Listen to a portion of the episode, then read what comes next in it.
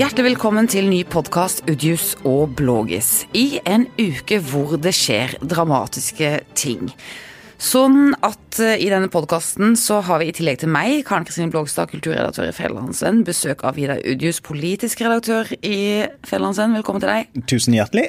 Og en æreshovedgjest, veldig aktuell, Jan Erik Mustad, førstelektor ved Universitetet i Agder og spesialist på alt som skjer i Storbritannia. Velkommen til deg. Jo, takk for det. Stemmen fra London. Stemmen fra London. Ja. Ja. Du er jo en travel mann. Ja, disse dager så blir det travelt når det skjer så mye på en gang. Så da må en bare løpe fra studio til studio, Jan.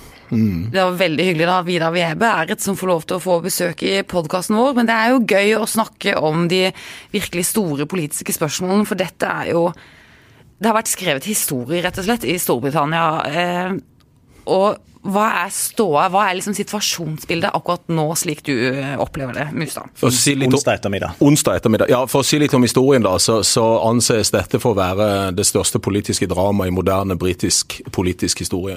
Og Det vil altså si at eh, etter andre verdenskrig så har ikke britene opplevd så mye dramatikk eh, på så kort tid. Eh, og, og Det betyr jo at det som har skjedd eh, spesielt i går onsdag og eh, i går tirsdag og i dag onsdag, eh, egentlig nokså dramatisk hvis en ser i forhold til eh, at eh, dette eh, brexit-spørsmålet som, som har dominert britisk politikk ja, i en tre-fire år, et par år før folkeavstemningen i 2016 og i de påfølgende to årene etterpå, så, så har det egentlig skjedd såpass mye at det tar litt tid å fordøye det, rett og slett. Og er det, er det noen som har en overordna strategi her, eller er det noen som har forutsett dette som nå kommer til å skje, eller har det ene tatt det andre, og så er det egentlig ingen som har Jeg, tror det ene har tatt det andre i den grad at, eh, at David Cameron, tidligere statsminister, ikke hadde noen plan for brexit. Han hadde en plan om å eh, få tilbake velgere som han mista i valget i 2010 til dette UK Independence Party.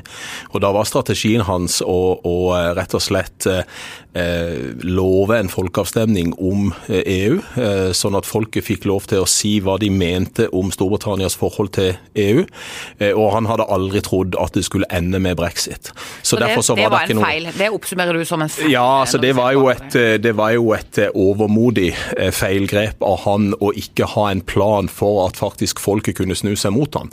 Men så må vi jo samtidig huske at, eh, at det var et solid flertall på meningsmålingene, for han nevnte dette første gang i 2013, eh, gjennom valget i 2015, og egentlig fram til ei ukes tid før selve brexit-avstemningen 23.6.2016. Eh, Det var Ei uke før egentlig meningsmålingene snudde, og det var dette store immigrasjonsspørsmålet som, som gjorde at folk fant ut at eh, nei, dette eh, vil, vi, vil vi ikke være med på lenger. Vi, vi vil ha en endring. Og så ble jo da et, eh, et relativt knapt flertall sa jo da eh, ja til å melde seg ut eh, av EU.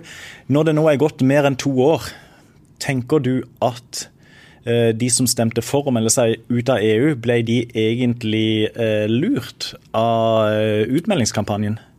Eh, lurt er jo et, et litt vanskelig begrep å bruke, synes jeg, i denne sammenhengen. At det var lite informasjon tilgjengelig for de som stemte for brexit, og at lovnadene om å gå ut av EU eh, nok ikke var mulig å holde ved en utgang. Og det har vi jo sett i, de løp, i løpet av de to siste årene, at eh, det de ble lovt da de de som stemte på brexit, at det skulle bli mer penger til velferd i Storbritannia. Vi skulle slippe å betale inn penger til denne store potten i Brussel. Eh, det kommer jo ikke til å bli realitetene. Så at det er mange som nok har følt at informasjonen har vært knapp. Politikerne har vært for dårlige til å informere om hva en brexit ville bestå i. Altså hva slags konsekvenser det ville få.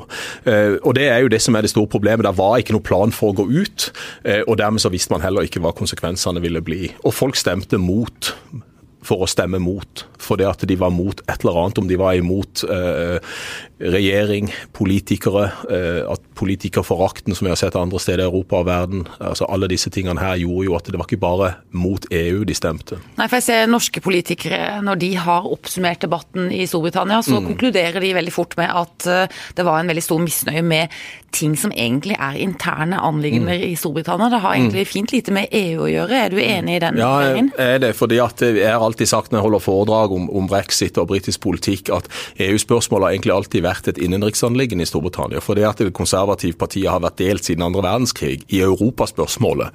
Og de var delt i 1973 da de gikk inn i EU. Eh, og, og den del, delinga og splittelsen har vi jo sett eh, bare bli sterkere og sterkere.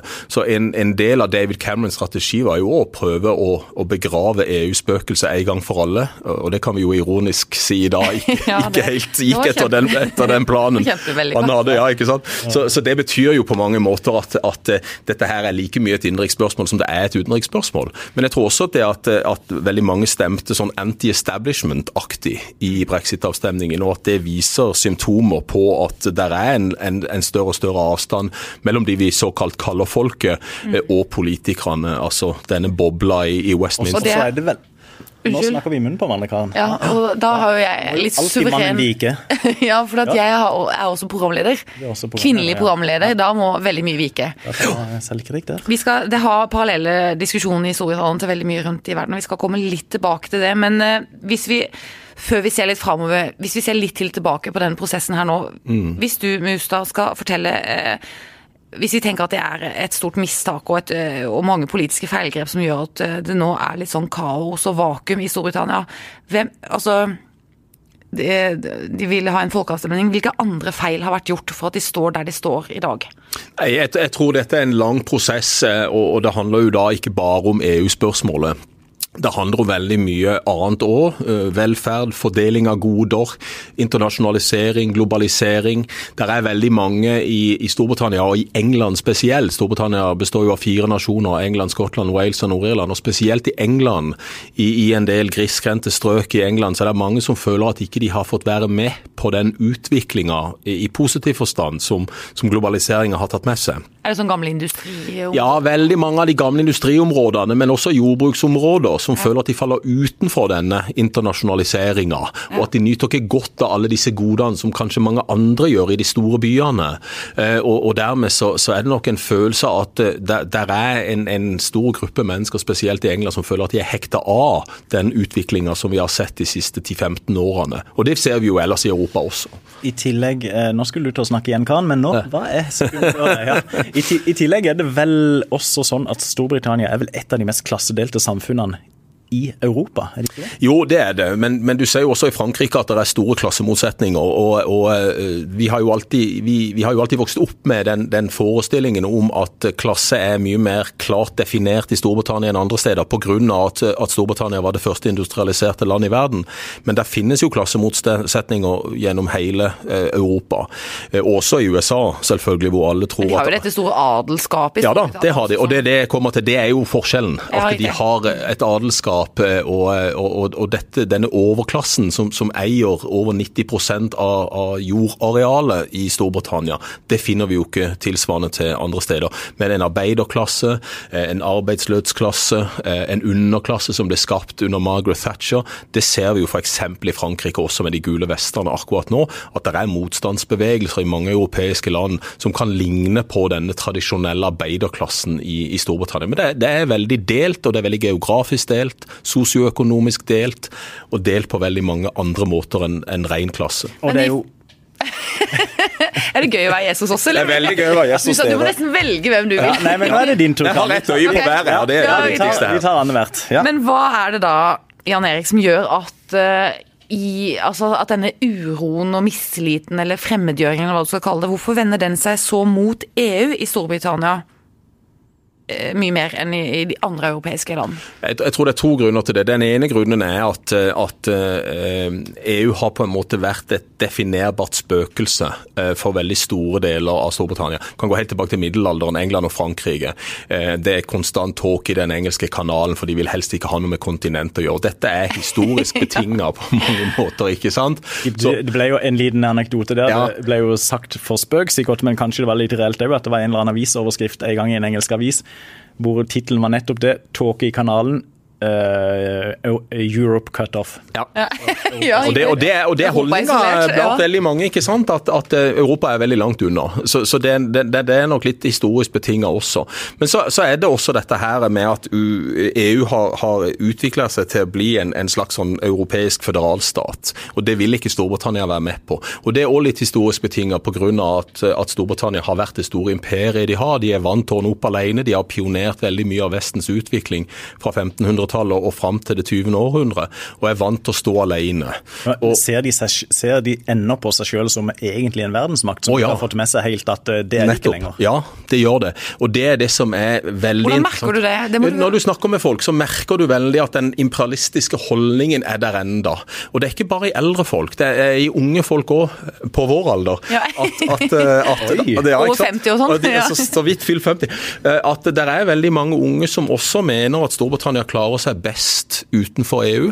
De vil ikke være del av dette Ever Closer Union-prosjektet, da, som, som, er EUs overordna målsetning. At de skal være mer og mer integrert i hverandre. Og Vi ser jo har kommet ganske langt, for det er vanskelig å lirke Storbritannia ut av EU i disse dager. Så, så EU har jo lykkes med mye av dette, denne overnasjonaliteten, og det vil jo ikke Storbritannia være med på. Så begge grunnene er egentlig historisk betinga, men gjør seg litt forskjellige utslag, da. Men det er jo, det er jo interessant det med, med, resten av verdens forhold til Storbritannia, også mm. vårt forhold. Hvorfor, hvorfor, er Storbritannia så viktig for oss, også på, på det eh, prateplanet, det sosiale planet? Mm. Det er OK, noen av oss eh, Jeg ser på deg, Karen. Hva, hva, hva, betyr Storbritannia? Ja, du ser på meg, men du begynner å svare på Du stiller spørsmål, så begynner du å svare på det selv.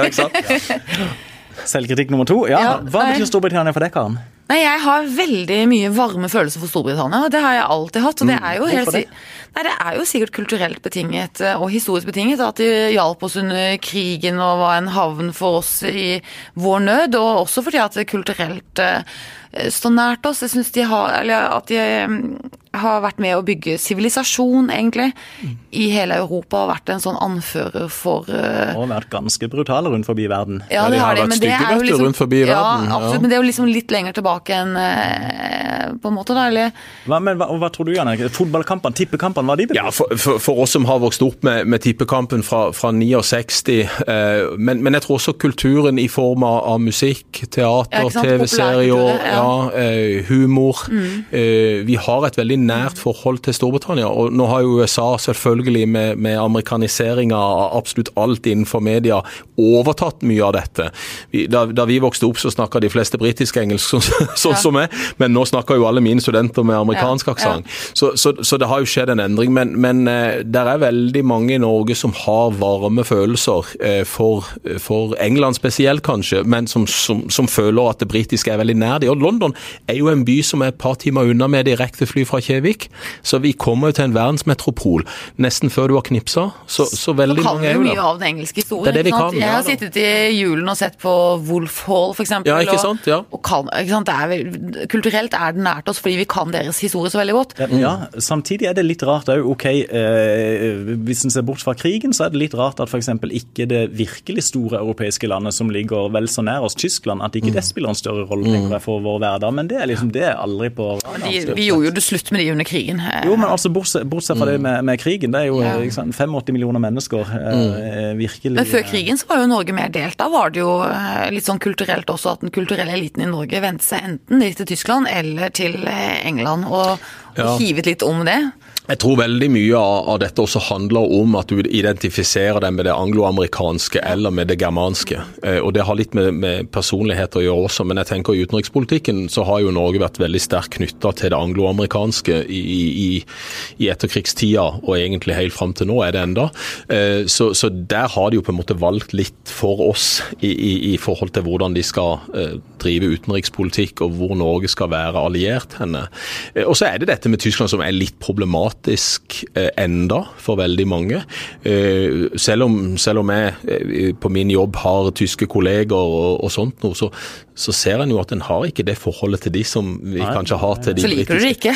Nei, jo, altså jeg liker de, men, men er, og Tyskland er veldig spennende. Men, men jeg, jeg, tror på mange måter at vi, vi, har, vi klarer ikke å få dette under huden-forholdet til Tyskland som, som vi har til Anglo-Amerika. altså Vi gjør ikke det. Hva tenker du da, Vidar? Nei, jeg, men jeg, jeg syns bare det er litt rart. Velferdsstaten kom jo sånn sett fra Tyskland, grovt sett. Iallfall Mm. de, de, de største reformene. Eh, og hvor kort det er dit, og hvor viktig det også det tyske markedet er for Norge osv. Men så det, det fins vel nesten ikke eh, elever som lærer tysk lenger, gjør det det som valgfag på eh, er veldig få.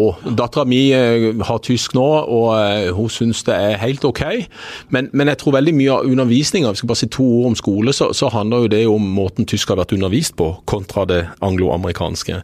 Eh, og jeg ser jo bare for meg som underviser engelsk, at vi har jo et mye større fokus på kultur. Vi har et mye større fokus på historie. Vi har et mye større fokus på, på TV-serier, på filmer, og bruker andre typer medier i undervisninga vår. språket, selvfølgelig, som jo er Som er et verdensspråk. Ja, det gjør det. Men, men også har du dette tyske hvor, hvor eh, egentlig det vi husker fra skolen er Anna og Finter i nedbegynt av Forsvischen. Altså, vi husker disse rekkene med preposisjoner hvor, hvor det var lite fokus på det, på det kommunikative, som vi selvfølgelig har. De hadde til og med en sang. Varom, varom, varom is die banana krum, ja, varom. ja, ja, den husker jeg. Jeg Ja, veldig godt. jeg- Min, husker min far var tysklektor. Dette er veldig fint. Ja, men det, det skal handle om, det skal handle om Storbritannia. Det det det. Så, Det det uten, å, uten å ta over din rolle, Karen, så ja, eh, veien framover, hva, hva tenker vi om den? Det var, Det var mitt spørsmål spørsmål. her nå. Ja, ja. Spørsmål nummer fem. Ja. Hva nå? Hva nå? I kveld er det, blir det klart da om eh, det blir noe konsensus rundt mistillitsforslaget mot meg, og det blir det mest sannsynligvis ikke, så vi bruker ikke så veldig lang tid på det, for at det vil antageligvis være Situasjonen i morgen vil antageligvis være som i dag, at det er litt åpent hva Ja. som skal skje, men hva skjer? Nei, vi tror det. Og rett etter avstemninga i Underhuset i, i går, så kom det jo et mistillitsforslag fra Labour-leder Jeremy Corbyn. Pasjonert lagt fram, må jeg Veldig, si. han var veldig Hatfullt, nesten. Ja, og du vet, han har jo kommet og vifta med dette mistillitsforslaget så mange ganger, så nå måtte han jo nesten legge det på bordet. Det, det hjalp ikke lenger bare å vifte med det i lufta, nå måtte han legge det på Ja. bordet, og det sa han han, han gjorde. Men sånn som partikonstellasjonene er i Underhuset, så, så eh, hvis alle disse, disse innpiskerne i partiene sørger for at alle stemmer med partiet sitt, så har jo Theresa May ved hjelp av det demokratiske unionistpartiet fra Nord-Irland et flertall i Underhuset. Det er 650 representanter i, i det britiske Underhuset, og hvis alle stemmer med partiet sitt, så overlever hun dette. Med, hvor, med hva slags margin da? Eh, En åtte-ti stykker. Ja, riktig. Mm. Oh. Men, men hva skjer videre i Storbritannias forhold til EU? Hvilke alternativer finnes det nå? Eh, EU, eh, EU-president Donald Tusk hadde jo en, en snedig tweet da, da dette her avstemningsresultatet tirsdag kveld var klart, hvor han bare konstaterte at nå vet vi alle alt som Storbritannia er imot. Det hadde vært veldig fint å høre hva de er for. Ja, og det er jo det som er litt eh, skummelt. fordi at det, og, det, og dette er jo på en måte arven etter den mangelen på på plan B eh, fra 2016 og folkeavstemningen, at ikke den britiske regjeringen hadde noen plan for en brexit. Så det ser vi jo på en måte litt konsekvensen av i dag, at Underhuset er ikke egentlig forent om noe. De er ikke enige i noe. Og Det er jo et symptom på hvor, e hvor uenige den britiske befolkningen er. Mm. For dette gjenspeiler jo egentlig mangfoldet i den britiske nasjonen, siden alle de 650 representantene i Underhuset representerer hver sin valgkrets rundt forbi i Storbritannia. Så de er notorisk delt i dette spørsmålet, og har vært det lenge.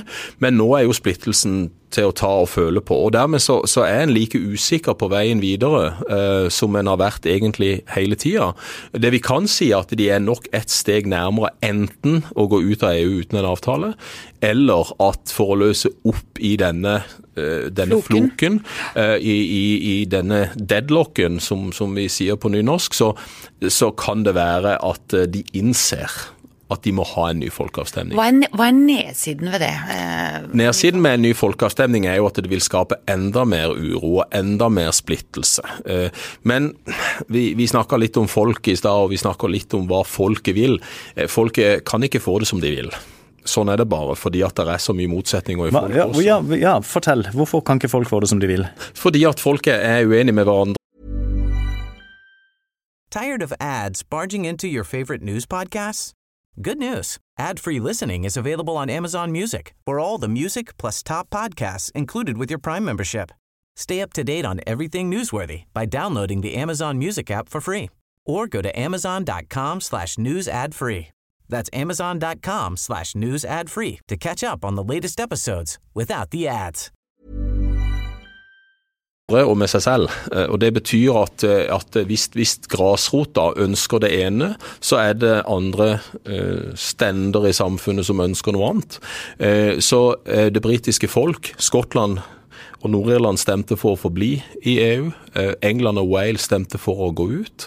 Eh, og Innenfor de fire nasjonene så er det grupperinger som har eh, helt klare preferanser om veien videre og hva de ønsker videre. Så det Teresa May, da, som, som da forhåpentligvis overlever onsdagens mistillitsforslag, må jo da så sjonglere den britiske unionen, som er enda viktigere for henne enn den europeiske unionen er.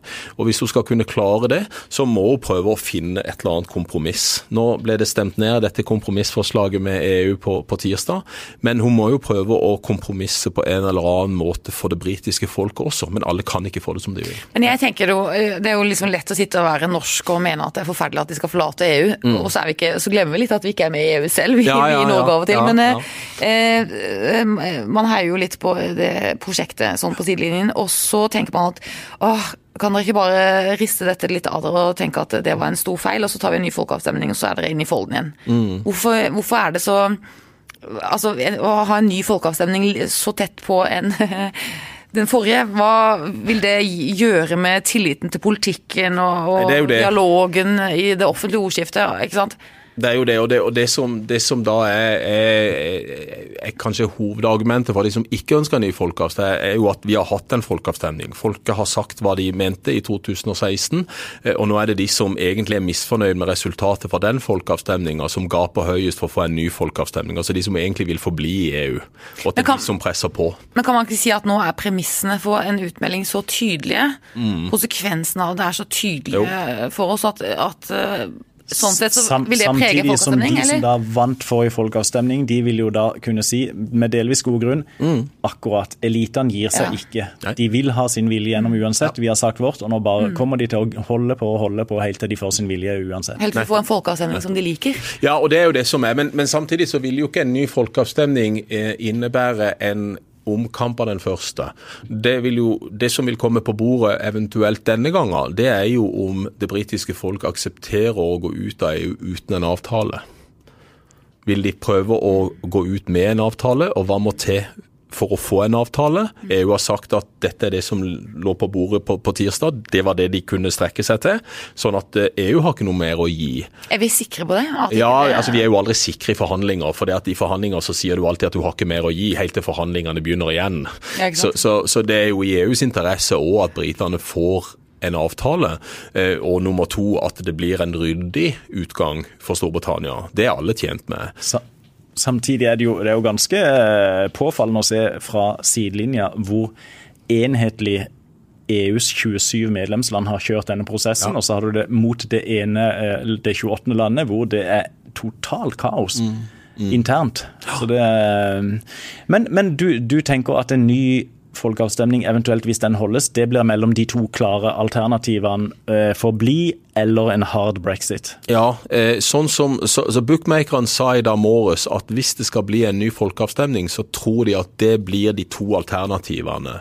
For det vil, det vil gjøre det så klart for folk. Og, og, Hva valget står om, faktisk. Ja, ja, og når du har en folkeavstemning, så må det være 100% klarhet, sånn at ikke det er tolkningsmuligheter. For da faller egentlig hele formatet, folkeavstemningsformatet. at når de stemte for brexit sist, så var det litt sånn i løse lufta, for ingen visste helt hva det ville innebære? Ja, Det er jo derfor jeg har argumentert både i aviser og i, ellers i, i norsk media eh, for en ny folkeavstemning. Fordi at jeg mener de ikke visste hva de stemte på i 2016. Og så syns jeg i løpet av, av disse to og et halvt årene som er gått, godt at eh, politikerne har forvalta mandatet fra folkeavstemningen så dårlig at folket fortjener en ny sjanse. Jeg er helt enig med deg, Mustaide. Er du enig med Mustaide? eller er du på et annet lag? Det blir litt kjedelig hvis vi er på 3-0, er det ikke ja. det? Jo, ja. Men du er jo en mann av folket, kanskje, så du, eh, hva, vil du utjus? Veldig godt sagt. Jo, nå skal dere høre hva folket mener. Ja. ja. nå har vi eliten snakket ut. Og ikke sant, vi, vi ja.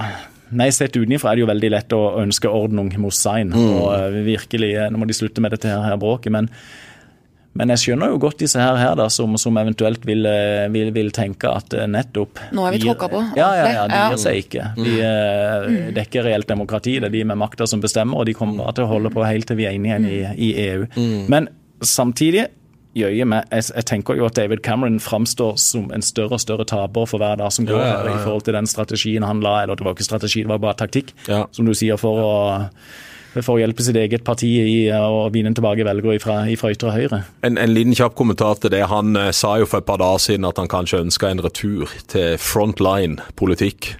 Og han ble bare avskåret totalt i britisk presse. og det var ikke snakk om. Bare gå og sett deg på den stolen i det mørke rommet ja. og hold kjeft. Det var liksom ja, ja, Så, for, nå, for Det tenker jeg også litt på når, vi, når man sa eh, tirsdag, på tirsdag at eh, May har gått på et historisk nederlag og alt. Det er jo, det er jo ikke en politikk hun har bedt om akkurat dette her. ikke sant? Det er jo... Hun, hun stemte jo for å forbli i unionen. Ja da, hun gjorde det. I, i i, så, Men, men, du, men, men hva med, for nå har vi snakka om de konservative som jo er dypt mm. splitta og fillerista av hverandre. Men det største opposisjonspartiet, Arbeiderpartiet, Labour, de, mm. Eh, de, de framstår jo ikke som noen klare vinnere, de heller. de er like delt, de. Det er bare når du er regjeringsparti, så, så kommer splittelsen mye tydeligere fram enn i et opposisjonsparti. Eh, men Labour har like mye splittelse i dette spørsmålet. Eh, og, og dermed så, så har jo Corbyn blitt litt latterliggjort fordi at han har pressa så veldig hardt for et nytt valg, snarere enn en ny folkeavstemning. Fordi at det er jo ikke noe, det er jo ikke noe garanti for at Labour vinner et nytt valg. På den siste meningsmålinga i Storbritannia, hvis det hadde vært parlamentsvalg i forrige uke, var det vel, eh, så eh, lå jo Labour to prosentpoeng bak de konservative. Går det an? Ikke sant? Mm. Så det, det, viser jo at, at i dette kaoset som, som de konservative opplever, med denne dype splittelsen, så burde jo Labour ha ligget 20% foran, men de ligger altså 2-3% bak. Så Det betyr jo at hvis, hvis Corbyn nå liksom kjører knallhardt på et nytt valg og, og mistillit og bla, bla, bla, så viser jo det at det er en enorm splittelse også i Labour. Og det, det, det, var, det, var, et av de gode poengene jeg hadde tenkt å trekke fram tidligere da du avbrøt meg, Karen. Jeg tror du avbrøt meg for gang nummer to, da. Ja. Eh, nei, men altså Eh, de tradisjonelle sosialdemokratiske arbeiderpartienes desperate kamp for å holde fast på de tradisjonelle arbeidervelgerne, mm. som rundt forbi Europa eh, flokker til ytre høyre, og som vel i Storbritannia vel også ofte har sett på de konservative, eh, pussig nok, vil vi mm. kanskje si, som sitt parti. Og så har du en mm. UKIP òg, vel, som har, eh, som har grafsa til seg av de, av de, velgerne der. Og Corbyn klarer jo tydeligvis ikke å skape en massebevegelse basert på den tradisjonelle arbeiderklassen. Nei, og det var jo, det var jo disse grasrotbevegelsene som stemte Corbyn frem som Labour-leder, eh, som, som, som, dere vet jeg var veldig sterkt imot. For jeg, jeg mener han ikke representerer en sosialdemokratisk Labour-tradisjon i Storbritannia heller, og dermed ikke ville ha sjanse til å vinne et valg. Og nå viser det seg i dette kaoset som har vært fra de konservative de siste årene, at, at Labour ikke klarer å, å, å, komme foran i meningsmålingene. Det viser egentlig hvor håpløst dette Corbyn-prosjektet er. Men, men, eh, dette ser vi overalt i Europa, og populismen har jo på mange måter vært det kvikke svaret på mye av Europas problemer, om det gjelder migranter, om det gjelder velferd, om det gjelder større avstand mellom folket og politikere, eh, mellom de som er i elitebobler og, og, de som blir på en måte hengende etter. Eh, og Da er det veldig fort å ty til populistiske partier, men det er jo òg et svar.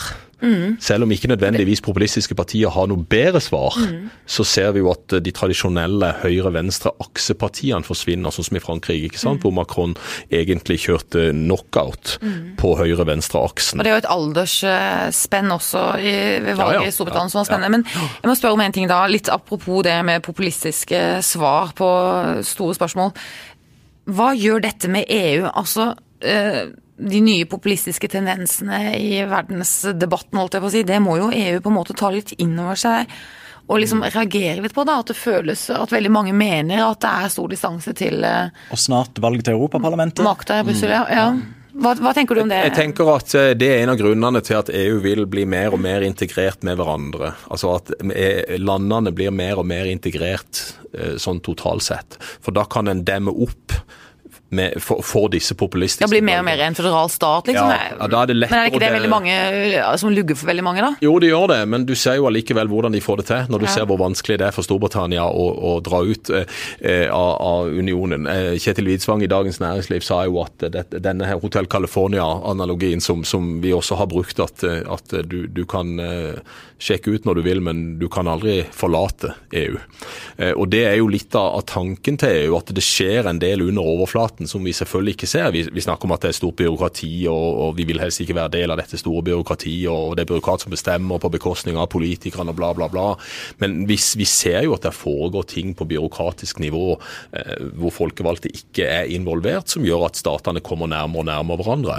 Eh, og Det er jo noe av det som Storbritannia har holdt igjen. Ja, Statene på forvaltningsnivå, ja, mener du da? Da blir det på en måte litt sånn usynlig ledd som ikke ja, er valgt, og som ikke er folk. og det er, Nettopp. Men en slags litt sånn usynlig elite. Dette må en også rett og slett eh, kalle fremskritt. Mm. Ja, ja, ja, absolutt. absolutt. Men, det, men du ser jo på, på, på, på, responsen fra folket at de tyr til populistiske partier, og, og, at det skjer ting over hele Europa, fra Hellas til Frankrike til, til Tyskland. Eh, men, men så, så, får det ikke noen sånne enorme konsekvenser for EU. De blir bare mer og mer integrert. Vil du si at det er litt sånn eh, skumle tider, som veldig mange sa i sine nyttårstaler for et par uker siden? Ja, det er jo et paradigmeskifte, hvis vi kan, hvis vi kan kalle det det. Så, så er det jo, er det jo hvis, hvis den går tilbake igjen og tenker på, på slutten av 1990-tallet, eh, fram eh, til, til til 9-11, begynnelsen av det 21. århundre med de endringene som skjedde da, så ser vi jo en, en fortsettelse av mange av disse endringene hvor, hvor det er mye mer uro. Eh, hvor det politiske landskapet er i endring, hvor det sosiale landskapet er i endring, hvor det blir større avstand mellom folkegrupper i, inn, innad i land. Så at det der er skiftende tider, det, det Så hvis den tradisjonelle høyre-venstre-aksen eh, viskes ut og forsvinner litt, eh, hva er de nye aksene, hva er de nye konfliktlinjene? Nei, det er jo mange teorier eh, i forhold til gruppering av folk, hvordan du på en måte grupperer samfunnet. Så, så mange sosiologer har jo forska på dette. Eh, og, og, I Storbritannia så ble det jo lansert eh, i fjor en, en sånn ny sosiologisk anretning for, for klassedelt samfunn, eh, hvor, hvor, hvor, han som skrev dette, kalte de 'anywheres and somewheres'. Ja, riktig. Ja, det var jo en stor eh, debatt her hjemme også. Ganske, ja, ganske treffende på mange ja. ja, det er jo det. Og det, og det er klart, de som er stedsbundne, og de som på en måte kan føle seg hjemme hvor som helst. I, uh... mm. Og så er det jo sånn at i, i alle sånne eh, teoretiske tilnærminger til, til, samfunnsforståelse, så er jo folk litt av hvert. Og vi, vi, vi som kanskje er utdanna og, og, sitter her vi gjør i dag, med, med utdannelse og fine jobber og alt sånt noe. Vi kan både være anywheres, men vi er jo også somewheres. Mm. Så, så, det er klart at vil, du vil jo aldri få dette helt stykkevis og delt. Det er ikke så ryddig som det var i gamle dager. Nei, det er ikke det. Det er vanskelig. Nei, nei, nei, men vi må, men vi må jo eh, prøve å peke litt framover igjen, Erik. Du var inne på ja. de to alternativene som Storbritannia nå står overfor. Hva, eh, hva tenker du sjøl eh, 1. april? Hva er Storbritannias forhold til EU? Ja, eh, altså jeg, jeg, tror vi er nærmere en, en no deal i dag enn vi er nærmere en ny folkeavstemning. Um, nå er det to ting som skjer i løpet av den neste uka. Det er dette mistillitsforslaget i kveld som vi tror eh, blir avvist, sånn at uh, Theresa Mays regjering fortsetter. Så må hun innen mandag komme og presentere en ny plan for regjeringens vei videre. Uh, parlamentet har bestemt uh, at hun har tre dager på å komme opp med en plan B. Vi tror hun ikke har en annen plan B enn å prøve å gå tilbake til EU for å få flere innrømmelser av EU. Og nå har jo EU avvist det ganske klart i, i dag, onsdag. Eh, så vi tror kanskje at denne plan B-en ikke er noe mer substansiell enn en den første planen med dette kompromissforslaget. Men hun må jo ha forskuttert at dette ja, da, skje? Hun, ja, hun, hun, må det. Men, men samtidig så, så, ser jo hun også dette, denne fastlåste situasjonen. Ja. Men hun har utelukka en utsettelse av artikkel 50. Eh, den er gått igjennom det britiske parlamentet som en lov da den ble aktivert. Og Artikkel 50 sier altså at de skal ut av EU i slutten av mars? Ja, 29. mars. Og artikkel 50 i Lisboa-trakt, EUs Lisboa-traktat eh, har en toårsmargin. Så den ble utløst 29. mars 2017, og da skal de forlate EU eh, 2019, 29. mars. Så da må det en ny lov gjennom det britiske parlamentet hvis de skal utsette den. Hun sa senest i går, etter tapet for, for, i, i, Underhuset for, for forslaget hos sitt, og at det ikke var aktuelt. Hun sa også at det ikke var aktuelt med en ny folkeavstemning. Så så lenge hun sitter ved roret, så er det sånn som det ligger nå, større sjanse for en, en hard brexit. Ja, ja. men det, det, er jo litt sånn, jeg må bare spørre, altså, for det er jo litt sånn rart at hun ville jo at Storbritannia skulle være i EU. Mm. og så er det jo på en måte en veldig fastlåst situasjon nå, men mm. kan, altså, en ny folkeavstemning kan jo være en utvei ut av den situasjonen. Ja, og den vil jo man tenke at eh, May ville like, fordi at hun egentlig vil at de skal tilbake. Jo, men May er en sånn politiker som, som uh, tar plikten uh, meget, meget seriøst. Altså, hun har overtatt statsministerembetet eh, i juli 2016, og hennes jobb var å få Storbritannia ut av EU. Det har hun plikt til å gjøre. Hun tjener folket, hun tjener ikke partiet, sier hun. Altså, det viktigste for hun er å gjøre den jobben på vegne av folket som stemte for å gå ut. Og Dermed så mener hun at de har stemt. Artikkel 50 har en toårsmargin, det har vi bestemt. Det har gått igjennom Underhuset. Begge partiene, Labour og de konservative, har stemt for det. Da vil det være å lure folk mm. og ikke gjennomføre det som de satte seg for å gjennomføre i 2016, nemlig å få Storbritannia ut av EU. Og Da er det det som ligger der, med en avtale eller uten en avtale. Så det er hard brexit du tenker, det er det som er mest sannsynlig per i dag? Ja, sånn som jeg leser eh, situasjonen akkurat i dag, men så kan det endre seg neste uke. Men akkurat i dag så, så ser jeg for meg at vi nærmer oss 29. mars med utgang. Du, Vidar Audius, som politisk redaktør i Fjellandsend, så skriver jo du et betydelig antall eh, ledere. Uh, hvis du skulle, hvis du skulle hviske på lederplass i Fjellandsveien, et lite godt råd til meg. Hva, ville du, hva syns du er den eh, fornuftige utgangen av dette kaoset? Ja, Hun er vel blant de mange som leser lederne. Hun leser lederne i Fjellandsveien. Ja, ja, jeg tror det er grunn til å tro det. Ja da. Mm. Nei, jeg tenker det, det, det, beste for Europa totalt sett hadde jo vært hvis de da hadde uh, utsatt denne uttredenen, ville jeg tenkt, fordi at det kan være dramatiske konsekvenser ved en hard brexit. Ja. Uh, så er jeg enig med Jan Erik at det er vel neppe veldig realistisk, så, så, så det går vel den, den, veien, da. Og så får vi jo bare håpe uh, at ikke utslagene blir så dramatiske som enkelte rapporter kan tyde på når det gjelder forsyningene inn til Storbritannia, når det gjelder Storbritannias handel med andre land, og når det gjelder sånne bitte små hensyn som våre egne flyruter til og fra Storbritannia f.eks. Mm. Men uh, gi, gi meg de neste, de neste ukene og par månedene. Her gjelder det jo bare å henge med i svingene. Ja, det gjør det. Har, ja, det blir et kok for deg framover også? Ja, altså når en holder på med Storbritannia og USA, så blir det ikke Det alltid kok. Så, ja, det er jo egentlig det. Og jeg har jo kommentert nå i, i 20 år, og, og, eh, det har jo vært enorm interesse for Storbritannia. Ja. Det må jeg jo bare si. Og det er jo, det er jo veldig moro. Jeg syns jo det er veldig moro å, å få lov til å, å, å, henge med. Kan du komme på besøk i podkasten vår igjen, tror du? Det kan jeg. Syns du det var hyggelig å være her? Veldig hyggelig å være her, og eh, jeg tror dette her er opplysende for folk flest. Og det er jo de vi ønsker å nå. Ja, ikke sant. Folk flest, ikke eliten. Nei, ikke de, de får klare seg selv. Ja. Um, vi, vi, hadde jo ja, Jeg vet ikke om vi er noe mer vi skal spørre om. Vi har vel vært gjennom de Du må avslutte på en elegant måte, Karen, hvor du både oppsummerer og trekker linjene ja. og ser framover. Ja. Nå gleder vi oss. Ja. Nå, eh, jeg hadde egentlig noe, planlagt noe litt som jeg skulle si, men ble litt satt ut nå. For at jeg sitter altså og skuler på mobiltelefonen til Mustad. Jeg har kalt deg både Jan Erik og Musa. Ja, Men er ikke det greit? Det er helt greit. Ja. Og det, det, lyser og blinker, og jeg ser det raser inn meldinger. Jeg kjenner det på klokka, skjønner du. Så det, at, ja, da, så, liksom så, så det sånn det Du er Norges eh, mest ettertrakta mann, eh, tror jeg vi kan si. Jeg vil si jeg er en av de. Jeg har heldigvis noen å dele på dette ansvaret med nå i Oslo. Eh, for det å sitte i Kristiansand nytter ikke, dessverre. Men, men, til å sitte i Kristiansand så har jeg ganske, ganske stort press. Ja. Du skal i alle mulige medier i timene framover, sikkert i dagene framover også. Det var veldig hyggelig av det. Altså, eller at du på tross av din travelhet kunne ta deg tid til å komme i podkasten til Udius og Blågis. Tusen takk for det.